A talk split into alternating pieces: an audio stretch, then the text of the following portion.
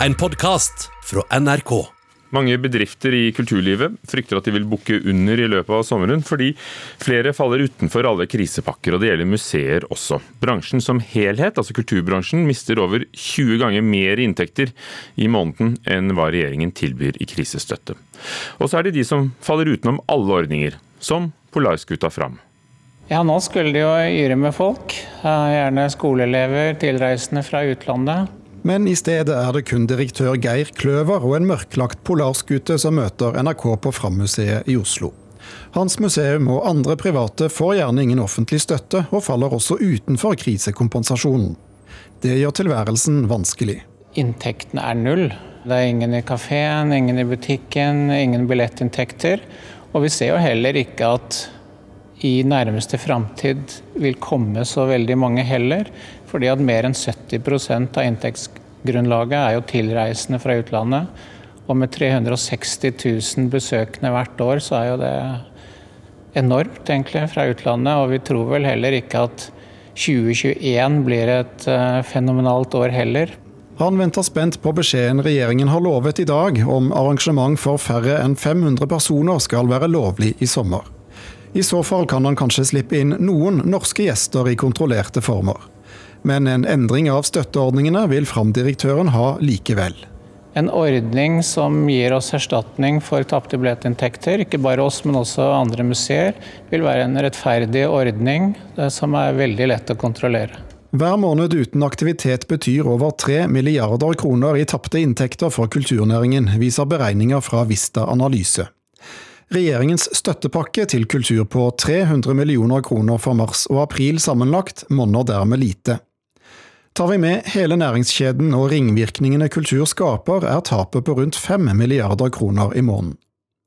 I bygd og by over hele landet finnes f.eks. et lite firma som leverer lyd, lys og sceneutstyr til konserter, festivaler og konferanser. Og Hele betingelsen for at det er behov for oss, er at det samles folk. og Når det ikke er trygt, så er det jo ingen som trenger tjenestene våre heller, og da, da blir det ikke noe salg. Regnestykket er like enkelt som forferdelig for Christian Johnsen, innehaver av Lillehammer Lyd og Lys. Firmaet hans er for lite og med en drift som gjør at mange av utgiftene ikke regnes som utgifter i næringsstøtten fra regjeringen. Han kvalifiserer heller ikke til kulturstøtten. Det jeg opplever litt problematisk, er at det er blitt spilt ut et sånn bilde offentlig av at eh, vi er tilgodesett eh, mye bedre enn vi er. da. Så jeg er litt redd for at folk går rundt og har en slags sånn mental hvilepute som er at småbedrifter generelt, men spesielt vi som er i næringskjeden i kulturlivet, at vi er ivaretatt uh, greit. Og det er langt fra slik det fungerer, da. Vi er jo avhengig av alle ledd i kjeden. Hans Ole Rian er leder i Creo, kultursektorens største fagforening. Vi trenger selvfølgelig musikere og artister som står på scenen, men vi trenger også en lydtekniker, en lystekniker, noen til å rigge scenen opp og ned. Har vi ikke bedrifter som kan gjøre det når krisa er over, så har vi heller ikke festivaler, konserter, turneer og heller ikke et levende kulturliv. 12. mai legger regjeringen frem revidert nasjonalbudsjett for Stortinget. Da kommer også neste runde med krisekompensasjon. Kravlisten fra kulturlivet er kort og konsis. Først og fremst så må vi få forutsigbarhet. Vi må vite hva vi skal forholde oss til både nå framover og, og, til høsten når vi skal starte opp igjen. Og så må det komme en forsikring om at det kommer tilstrekkelig med penger på bordet.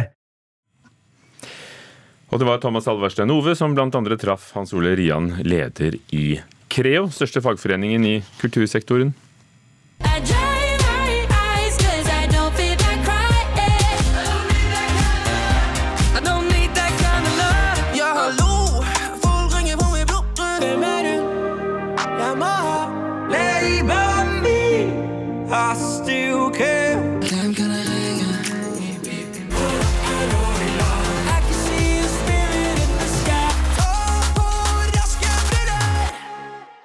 Dette er lyden av musikkåret som har gått, nærmere bestemt de nominerte til årets låt når Spellemannsprisen skal deles ut.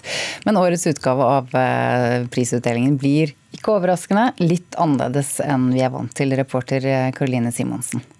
Ja, det blir jo ikke den samlinga som eh, vi bruker å se. Nå blir det sånn at den første prisen den deles ut av P3 Morgen før klokka ni i dag. Så det er jo ikke lenge til. Og så deles det ut eh, priser både på TV, radio og nett helt frem til lørdag. Så vil vi få en sånn eh, hovedsending på NRK Alltid sammen i morgen fra klokka ett. Og så vil det bli mulig å se alle høydepunktene på NRK1 på lørdagskveld. Så det blir ei annerledes utdeling utdeling. Og i dag f.eks. så vil det jo deles ut priser hele formiddagen. Hvem er det som kan stikke av med priser i disse dagene? Jo, altså det er jo eh, veldig mange, men eh, årets låt som folket skal stemme frem, der er bl.a. Nicolay Ramm og Keiino og Sigrid nominert. Sigrid er også den artisten som eh, har fått flest nominasjoner i år. Hun er nominert til fire priser. Ellers så er det jo andre kjente navn som Karpe og Gabrielle som har muligheten til å stikke av med flere priser. Og det er de her tre, altså Sigrid, Karpe og Gabrielle, som er er nominert til Årets album i lag med Arif. Så hva blir egentlig da den største forskjellen fra denne tradisjonelle utdelingen som vi er vant til?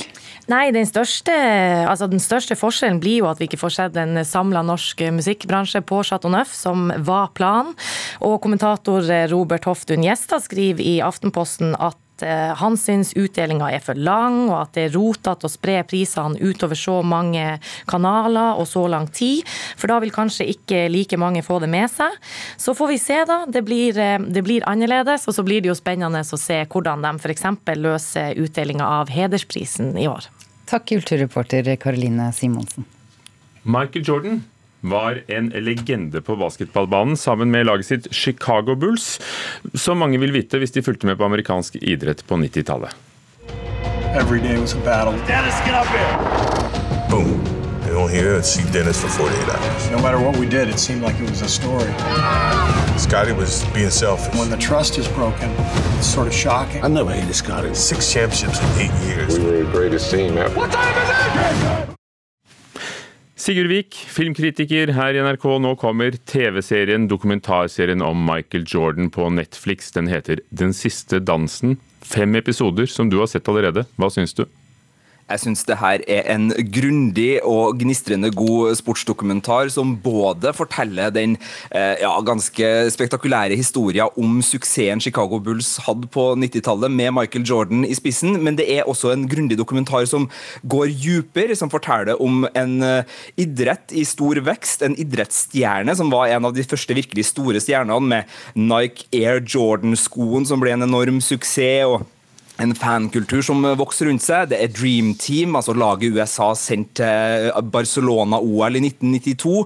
Og det er da denne 97-98-sesongen som er et spenningsklimaks, da Chicago Bulls gikk for sitt sjette NBA-mesterskap, som da driver det her framover. Men eh, nei, det er en virkelig fascinerende sportsdokumentar, det her. Har du selv noen minner om Michael Jordan? Det har jeg. Han spilte jo i filmen Space Jam i 1996 sammen med Snorre Sprett og, og co. Men eh, nei, han, han, var en eh, fyr som også eh, kom inn i norske TV-skjermer. Dette var jo en idrett vi i vennegjengen fulgte via avisklipp og, og, litt sånn reportasjer her og der. Og ikke minst fordi klærne kom til litt sånn alternative amerikanske sportsbutikker på 90-tallet. Chicago Bulls-oksen den står godt printa inn i et barn som vokste opp på 90-tallet. Sigurd Vik, tror du det krever at, at en seer har det forholdet du har til, til Michael Jordan, klærne hans, uh, basketen, for å, for å ha glede av dokumentarserien Den siste dansen? Nei, i likhet med en eh, Oscar-vinnende dokumentar som OJ Made in America, så er det her en eh, dokumentar som både er veldig nysgjerrig på sammenhenger i samfunnet. Her er det politikk, her er det økonomi, her er det sport fletta sammen. Og det er også relevant for alle som er glad i idrett, for her får man se litt av de mekanismene som finnes i styrerom, og som handler om liksom, eh, ja, holdt på å si litt sånn menneskesynet i, i idretten, som er fascinerende også hvis man er glad i Premier League i dag, f.eks. For, for det dukker jo opp historiske personer fra fra samfunnslivet for øvrig? Politikken og sånn, ikke sant? Ja, det er både gjort ferske intervjuer og det er filma en del som var der. Da snakker vi Barack Obama, da snakker vi Jerry Seinfeld, eh, Bill Clinton, Justin Timberlake, Spike Lee, i tillegg til da Magic Johnson, Michael Jordan, Dennis Rodman ikke minst, og Scotty Pippen. Så det er rikelig med kjente ansikt her. Og, og, noen av dem blir vi kjent med. Hvis vi ikke dro kjensel på navnet i det du listet dem opp, er serien godt laget? Den er veldig grundig og godt laga. Den kan være litt krevende, fordi den holder fokus på 97-98-sesongen, og så hopper den bakover i tid og framover i tid for å utbrodere og, og, fortelle mer. Men hvis man er konsentrert, og er villig til å være konsentrert, så er det her en virkelig god dokumentarserie. Takk skal du ha. Sigurd Vik, filmkritiker i, i, Filmpolitiet. Og på Filmpolitiets sider så kan du lese alle anmeldelsene deres. Dette var altså Michael Jordan, 'Den siste dansen'.